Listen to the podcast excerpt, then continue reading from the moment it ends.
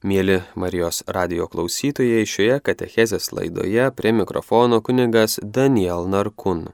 Jisai kalbės tema Adventas - Jonas Krikštytojas - atsivertimo vaisiai.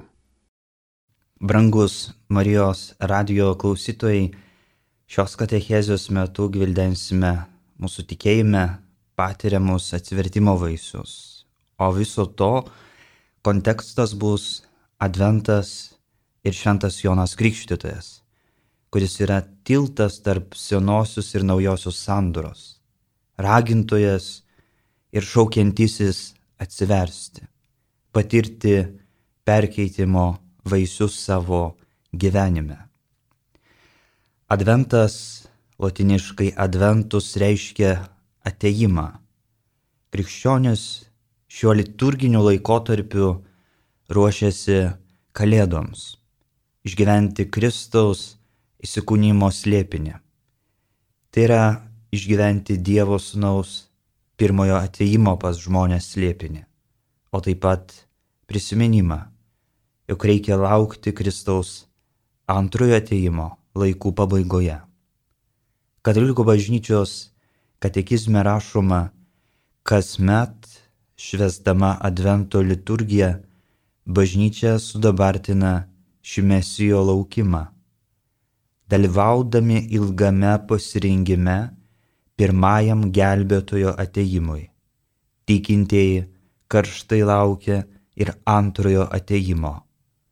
Švesdama pirmtako gimimą ir kankinystę, bažnyčia vienijasi su jo troškimu, Kristui skirta aukti, o man mažėti. Šis dviejopas advento pobūdis yra nuolat mūsų lūpomis išpažįstamas. Bet ar sąmoningai, ar paliečia mūsų širdies gelmes?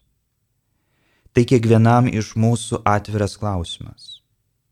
Kuomet išpažįstame kredo tikėjimo išpažinime, apaštulų tikėjimo išpažinime, šios būtent žodžius prasidėjo iš šventosios dvasios, gimė iš mergelės Marijos. Jis vėl garbingai ateis gyvųjų ir mirusių įteisti ir viešpataus per amžius. Įsikūnymo slėpinys, kuris jau yra įvykęs istorijos tekmėje, yra švenčiamas kaip mūsų išganimui didingas dalykas. Dėka įsikūnymui žmogaus prigimtis nunešama į antgamtinę tikrovę, tai yra į dangų. Tai yra mūsų žmogiškai prigimčiai neapsakomas išskirtingumo įvykis. Prasidėjo iš šventosios dvasios, gimė iš mergelės Marijos. Tai yra akivaizdus vaisius dieviškos ir žmogiškos laisvos valios evangelistas Lukas šį įvykį užrašo taip. Marija paklausė Angelą, kaip tai įvyks, jeigu aš nepažįstu vyro. Angelas jai atsakė, šventoji dvasia nužengs ant tavęs ir aukščiausių galybė pridengs tave savo šešėliu todėl ir tavo kūdikis bus šventas ir vadinamas Dievo sūnumi. Marija atlėpė į įsikūnymo slėpinį savo klusnumu, bet įdomiausiai, kad ir jos iščių vaisius klusnumu atitaiso Adomo neklusnumą. Klusnumo gelmes mums atskleidžia Hans Ursas von Baltazaras, vienas didžiausių vokiškai rašiusių 20-ojo amžiaus intelektualinių asmenybių. Kredo pamastymuose rašo klusnumu. Parodytų prieš laikų pradžią, sunus vis dar labai skiriasi nuo natūraliai pradėto žmogaus, kurio neklausima, ar jis nori įžengti į būti ar ne sunus su visa sąmonė ir visų pritarimu dieviškajam išganimo planui leidžia disponuoti savimi. Tačiau ir tai jis daro klusnumu šventojoje dvasioje, per kurią atpirks ir atitaisys Adomo neklusnumą. Jis neįsikybęs, kaip turčius savo dievybės turto, tarsi susikrovęs į savo. Jis gavo iš tėvo ir gali jį atiduoti saugoti tėvui, įdant savo amžinajame pasidavime tėvui atskleistų tam pasidavimui būdingą klusnumo momentą, kūrinio privaloma rodyti Dievui. Kitas mūsų adventinio laikotarpio išgyvenimas mūsų šiandien yra būdėjimas laukiant ateisinčių Jėzaus Kristaus laikų pabaigoje. Šią tiesą atspindi išpažinimo žodžiai. Jis vėl garbingai ateis gyvųjų ir mirusių įteisti ir viešpataus per amžius. Evangelistas Matas antrąjį Kristaus ateimą apibūdina šiais žodžiais. Kai ateis žmogaus sūnus savo šlovėje ir kartu su juo visi angelai, tada jis atsisės savo garbės sostę. Jo akivaizdoje bus surinkti visų tautų žmonės ir jis perskirs juos, kaip piemuo atskiria avis nuo ožių. Avis jis pastatys dešinėje, ožius kairėje.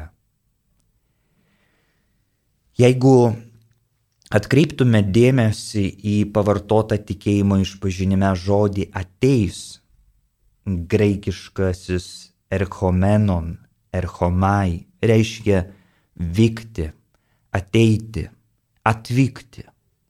Šis žodis nėra vienareikšmiškas ir gramatinė prasme.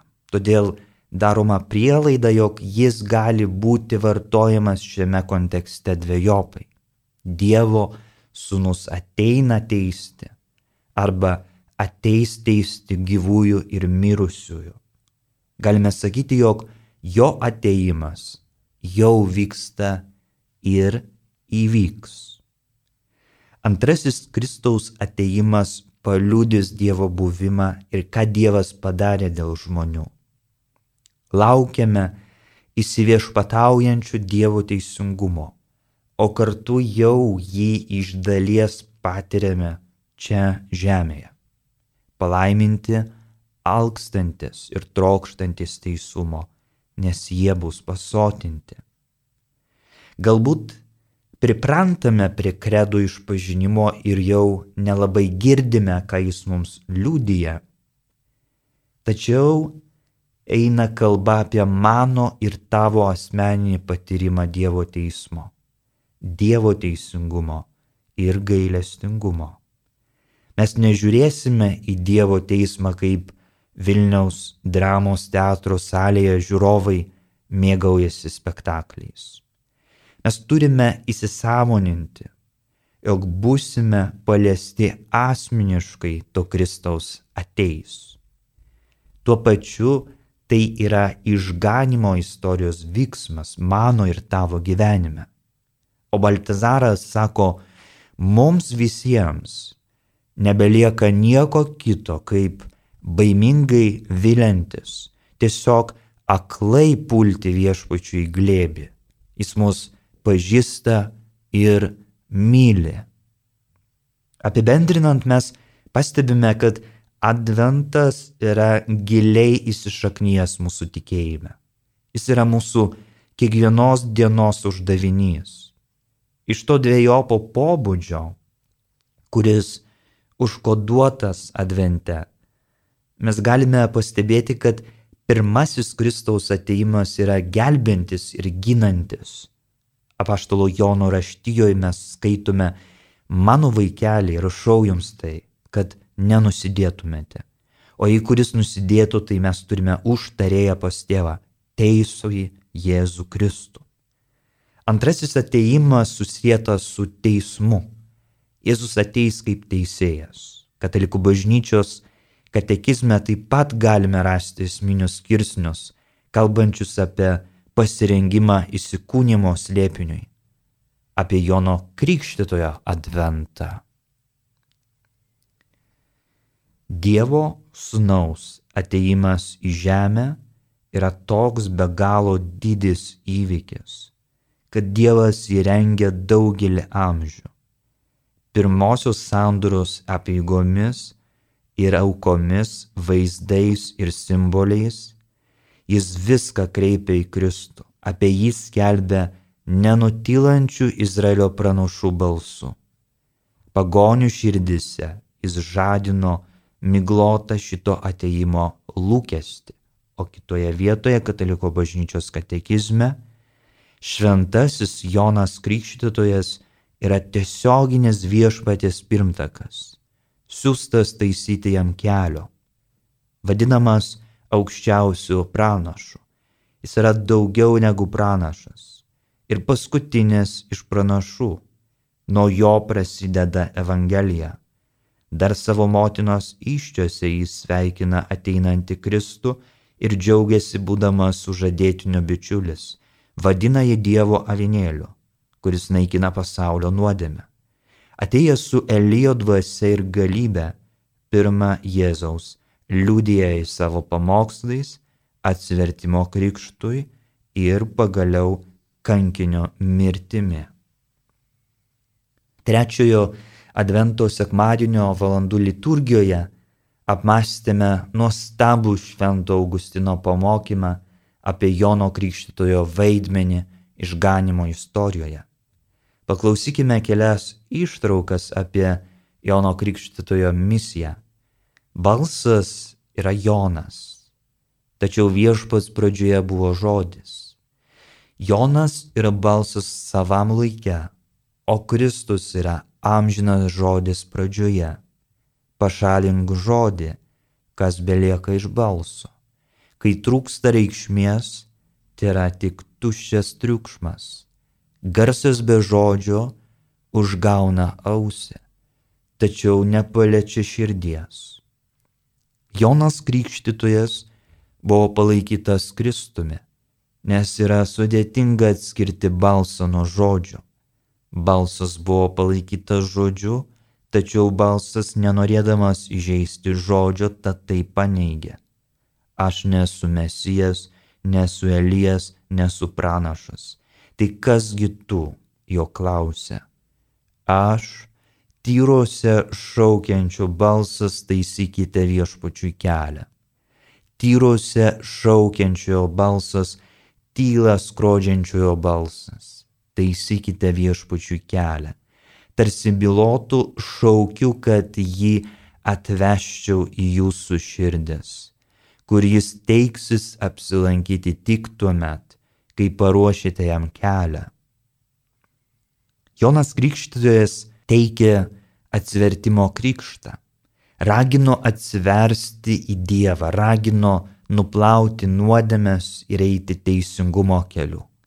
Evangelijoje pagal Morku rašoma, jis krikštijo ir skelbė atsivertimo krikštą nuodėmėms atleisti, pasitraukė visa judėjos šalis ir visi Jeruzalės gyventojai. Jie išpažindavo nuodėmės ir buvo jo krikštijami Jordano upėje. Jonas vilkėjo kupranugario Vilno apdaru, o strienas buvo susijuosęs odiniu diržu. Jis valgė skerius, ir lauko medų. Jis skelbė, po manęs ateina galingesnis už mane. Aš nevertas nusilenkęs atrišti jo kurpių dirželio. Aš jūs krikštijau vandeniu, o jis krikštis jūs šventąją dvasę. Šioje ištraukoje mes girdime, kad pas Joną ėjo krikštytis Jeruzalės gyventojai, judėjos šalis. Tai žmonės iš ypatingų vietų, kuriuose klestėjo religinis, kultūrinis gyvenimas. Jis nepadarė jokio stebuklo, tik krikštijo ir skelbė atsivertimo krikštą nuodėmėms atleisti. Pastebėkime, kad skelbimas yra ypatingos svarbos, nes Jonas be ypatingų kažkokių stebuklų pajėgė taip skelbti gerąją naujieną, jog pas jį traukia Jeruzalės gyventojai. Kiekvienam iš mūsų nepro šalį būtų atrasti būdų, kad gerąją naujieną skelbti su traukos gale, įdant žmonės ryštųsi atsiversti ir patirti atsivertimo vaisius. Evangelijoje pagal Joną skaitome. Rytojaus dieną, matydamas ateinantį Jėzų, Jonas prabilo, štai Dievo avinėlis, kuris naikina pasaulio nuodėmę. Čia tasai, apie kurį aš kalbėjau. Po manęs ateis vyras pirmiau už mane buvęs, nes jis pirmesnis už mane. Aš jo nepažįstu, aš jo nepažinojau, bet tam, kad jis būtų apreikštas Izraeliui, aš atėjau ir krikštiju vandeniu. Ir Jonas paliudijo, aš mačiau dvasę lik balandį nusileidžiančią iš dangaus ir ji pasiliko virš jo. Aš jo nepažinojau, bet tas, kuris mane pasiuntė krikštyti vandeniu, buvo pasakęs, ant ko pamatysi nusileidžiančią ir pasiliekančią dvasę, tas ir bus kuris krikštės šventąją dvasę. Aš tai mačiau ir liudiju, kad šitas yra Dievo sūnus.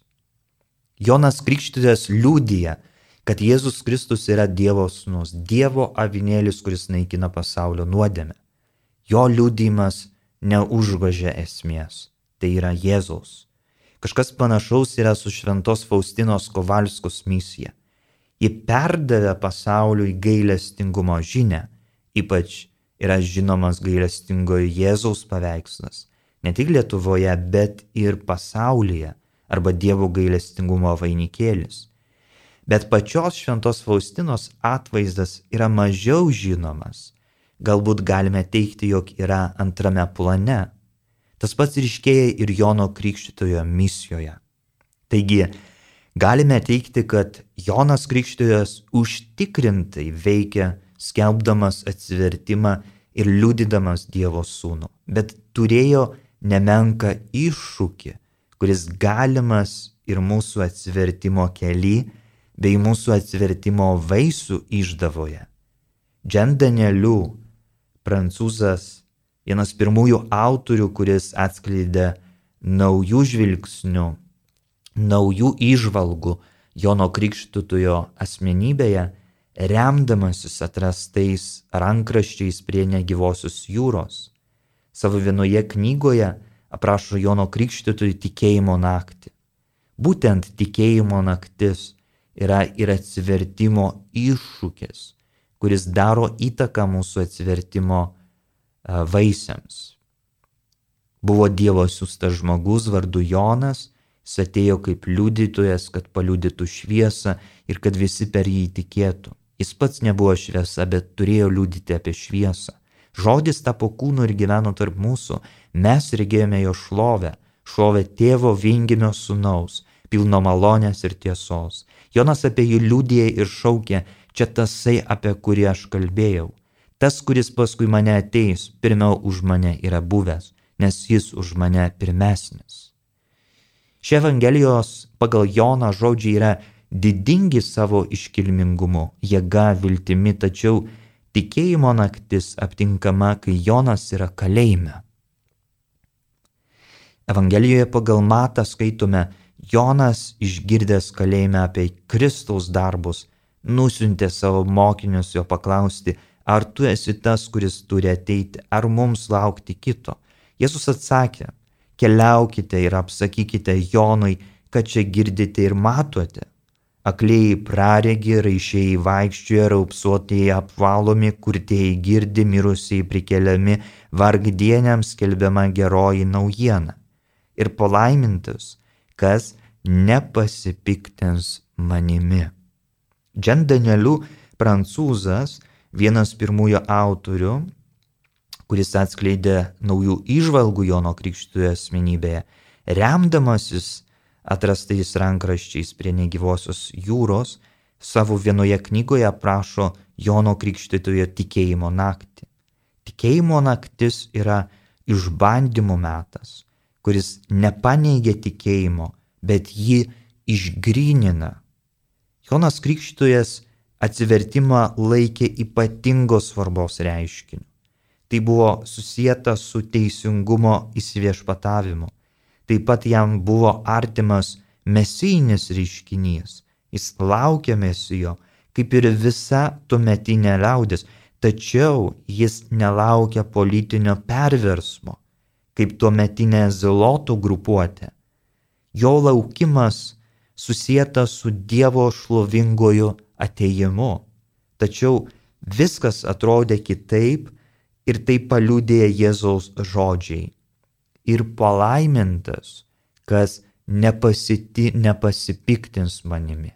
Jėzus suvokė, jog daugelis žydų juo pasipiktins ir atmes jį, neišpildo jų triumfinių lūkesčių arba įsivaizdavimo apie Mesiją. Tačiau Jėzus eina nuolankumo ir kantrumo keliais. Jonui Krikštytujui irgi kyla dviejonių ir jis trokšta išsklaidyti jas, klausdamas Jėzus. Jonas mus moko, kad jeigu savo tikėjimo kelionėje patiriame abejonių, bėkime klausti Jėzaus, taip kaip Jonas. Dievas yra šventas gerai prisimename šią Dievo savybę iš šventų mišių aukos, kai išgėdame kartu su triumfuojančia bažnyčia tris kart šventas giesmę. Jonas Krikštytojas, kaip ir pranašas Elijas, be didelių sunkumų priima šią tikėjimo tiesą. Tačiau Dievas kuriejas per savo sūnų Jėzų Kristų atskleidžia ypatingą savo dieviškos gelmės savybę, tai gailestingumo savybę. Džem Danieliu pažymi, kad būtent ši dieviškoji savybė buvo tikėjimo tamsos priežastimi, o taip pat atsivertimo vaisių nepakankamumas. Jonui ir žydams buvo nesuvokiamas perteklinis gailestingumas, nes jie mane, kad piktis nuodėmės tikrovės atžvilgių geriausias atsakas. Jėzus sako, keliaukite ir apsakykite Jonui, ką čia girdite ir matote. Aklėjai praregi, raišiai vaikščioja, raupsuotieji apvalomi, kurtieji girdi, mirusiai prikeliami, vargdienėms skelbiama geroji naujiena ir palaimintas, kas nepasipiktins manimi. O pabaigai autorius sugretina Jono tikėjimo patirtį su pranašu Elijumi. Kai Elijas susitinka su Dievu, paklausykime ištraukos iš Senojo testamento pirmosios karalių knygos. Elijas įlindęs į olą joje praleido naktį. Tada viešpaties žodis atėjo jam tardamas, kad čia veiki Elijau. Jis atsakė, Aš degu uolumu viešpačiui, galybių Dievui, nes izraeliečiai atmetė tavo sandurą, nuvertė tavo aukurus ir išžudė tavo pranašus kalaviju. Tik aš vienas likau ir jie nori mane, man gyvasti atimti. Išeik laukan, jis pašaukė, ir stovėk ant kalno prieš viešpatį, nes viešpats praeis pūtė didelis vėjas, jis buvo toks stiprus, kad skaldė kalnus ir trupino į gabalus uolas prieš viešpatį, bet viešpatės nebuvo vėja. Po vėjo žemės drebėjimas, bet viešpatės nebuvo žemės drebėjime.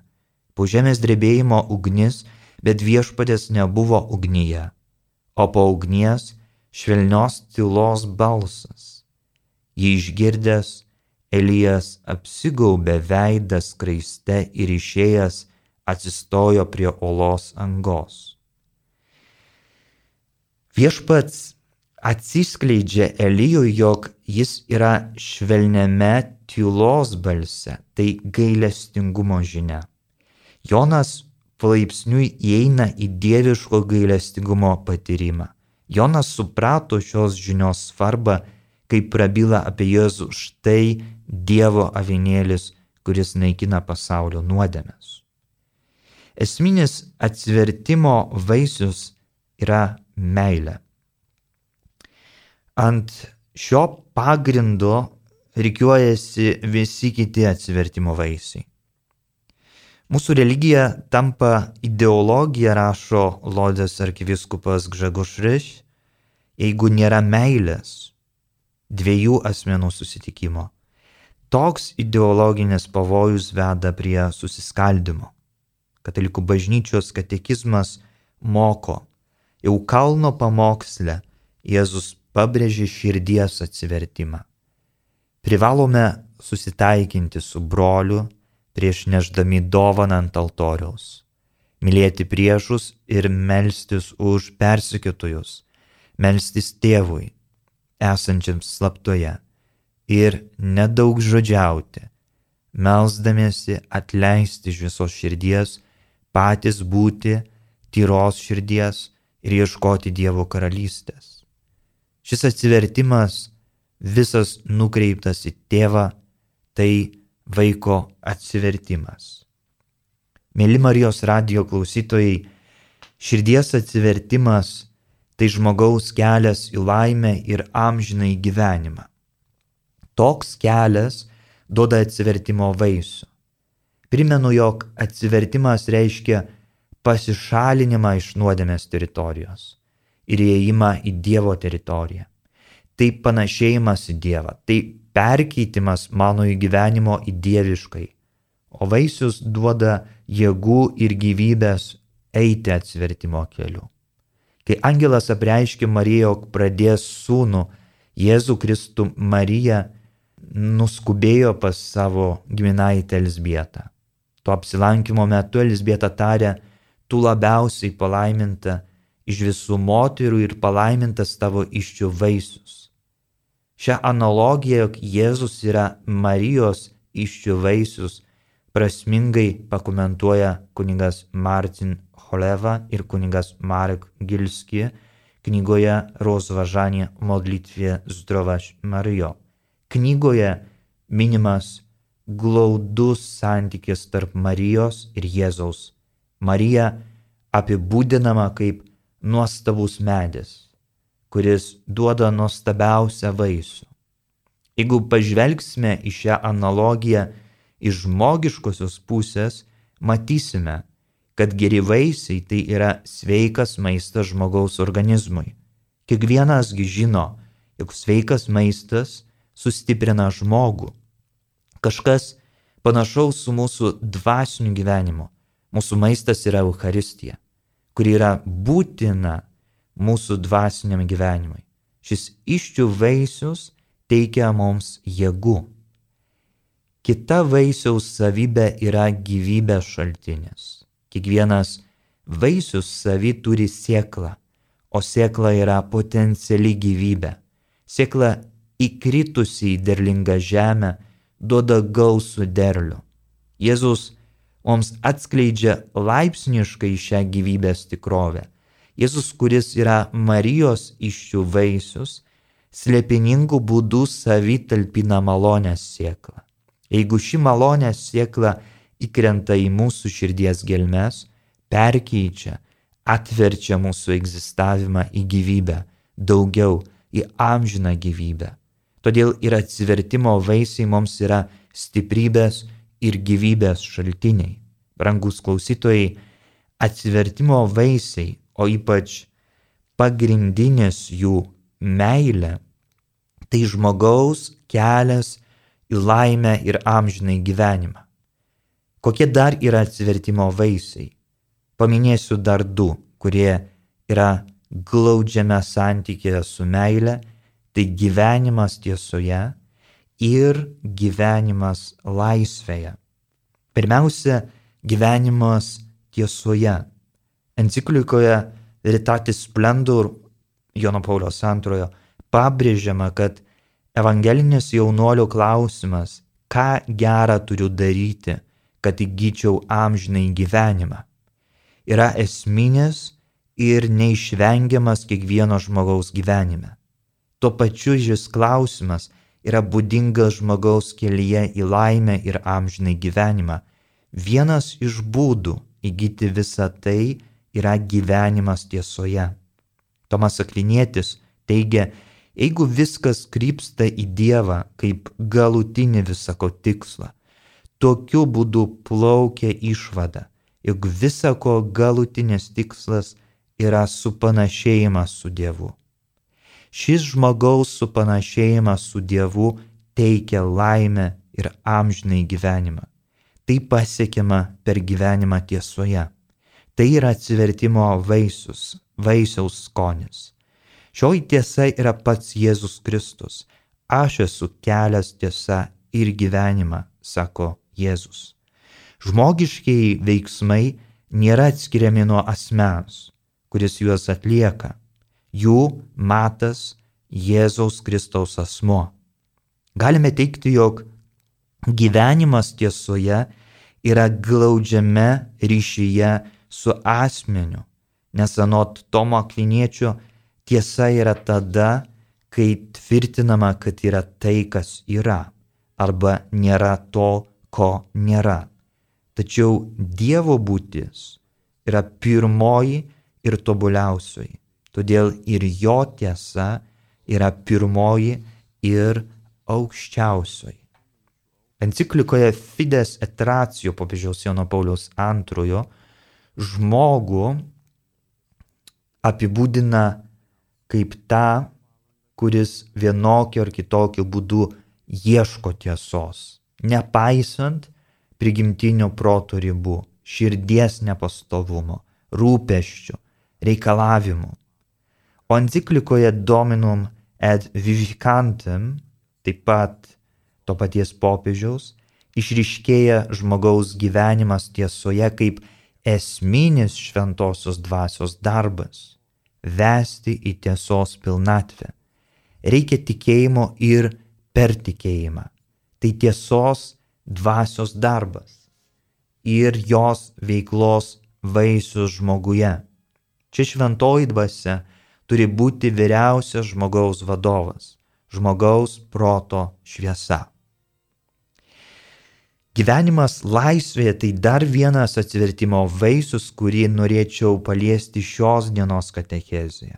Norint suprasti žmogaus gyvenimą laisvėje, reikia atrasti tikrai laisvės supratimą, kuris leistų geriau pažinti kelią į laimę ir amžinai gyvenimą.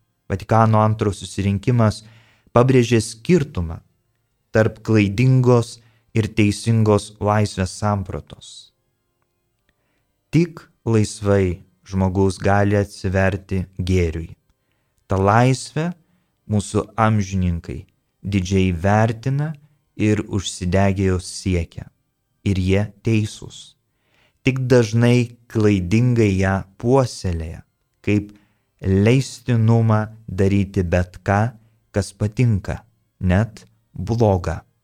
Tačiau tikroji laisvė yra ypatingas Dievo paveikslo žmoguje ženklas. Juk Dievas norėjo žmogų palikti savo paties išminčiai, įdant jis pats iškotų kurėjo ir laisvai, jo laikydamasis, pasiektų visišką tobulumą bei tobulą laimę. Pinkers savo veikale Žrudla moralności chrześcijańskiej aptarė abejingą laisvę vertybės atžvilgių ir laisvę suformuotą vertybės.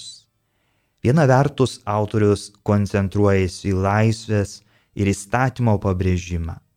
Iš čia kyla pareiga, didelis dėmesys sutelkiamas į konkrečius žmogiškusius veiksmus tikslo siekimas tampa antraeilių dalykų, o darybių praktikavimą keičia įstatymo įgyventimas.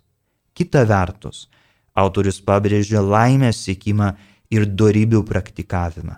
Laisvė, suformuota vertybės, atsiveria tiesai ir gėriui, per kuriuos atpažįstama žmoguje esantis Dievo paveikslas. Tokiu būdu žmogaus kelias į laimę ir amžinai gyvenimą įgyvendinamas per laisvę suformuotą vertybėmis. Žmogaus laisvė dalyvauja Dievo laisvėje, nors ir yra ribota. Anot popiežiaus Jono Pauliaus antrojo, laisvė baigėsi prie gero ir pikto pažinimo medžio, nes pašaukta priimti moralinį įstatymą, kurį Dievas duoda žmogui. Iš tiesų būtent tai priemus žmogaus laisvė galutinai ir tikrai įgyvendinama. Taigi gyvenimas laisvėje neatsiejamas nuo moralinio įstatymo, pagal kurį žmogus pašauktas gyventi. Advento bei Jono Krikštitojo kontekste prieėjome prie atsivertimo vaisių mūsų tikėjimo kelionėje, tai tiesa, laisvė, bet didžiausia jų meilė. Ši katechezė mus turėtų dar labiau paskatinti eiti tikėjimo kelionėje ir irtis į meilės slėpinį gelmes. Enciklikoje Veritatis Splendor pažymima, kad Jėzaus veiksmai ypač kančia ir mirtis ant kryžiaus, yra gyvas jo meilės tėvui ir žmonėms apreiškimas. Jėzus reikalauja, kad būtent tą meilę sektų tie, kurie eina paskui jį. Tai naujasis įsakymas, tai naujoji sandora, tai atsivertimo vienas fundamentaliausių vaisių meilės įsakymas. Anot Baltazaro Jėzus Kristus ant kryžiaus prabilo į mus galutinai. Ne žodis, žodžio centre. Mirties akivaizdoje ištartas žodis yra sutrauktas ir sutrumpintas dėl to, kad Dievo balsas per Senąjį testamentą iki Jono Krikštitojo be perstojo stiprinamas, galiausiai didysis balsas įgavo žmogišką jėgą. Baisiausias iš baisiausių dalykų - žmogaus mirtis turėjo būti pasirinkta meilės, garsiai sušukusios ir atidavusios dvasę. Tačiau šis žodis, pasiekiantis savo kulminaciją šauksme ir dėl to neištariamas, sukrečia, įveikdamas paskutinį barjerą - jo širdį ir kaip simbolio atveju iš užšydo esančio tarp Dievo ir žmogaus ištrykšta kraujas ir vanduo. Dievas išlėja pats save, išlėja iš savęs sandorą. Ten, kur žodis nutyla, suskamba kitas, kilnesnis ir naujas - Dievo pervertos širdies žodis. Tokiu būdu mirtyje ir tik joje prabyla tai, kas gyvenime, kol širdis turi saugotis, įdant galėtų kalbėti, lieka neišreikšta.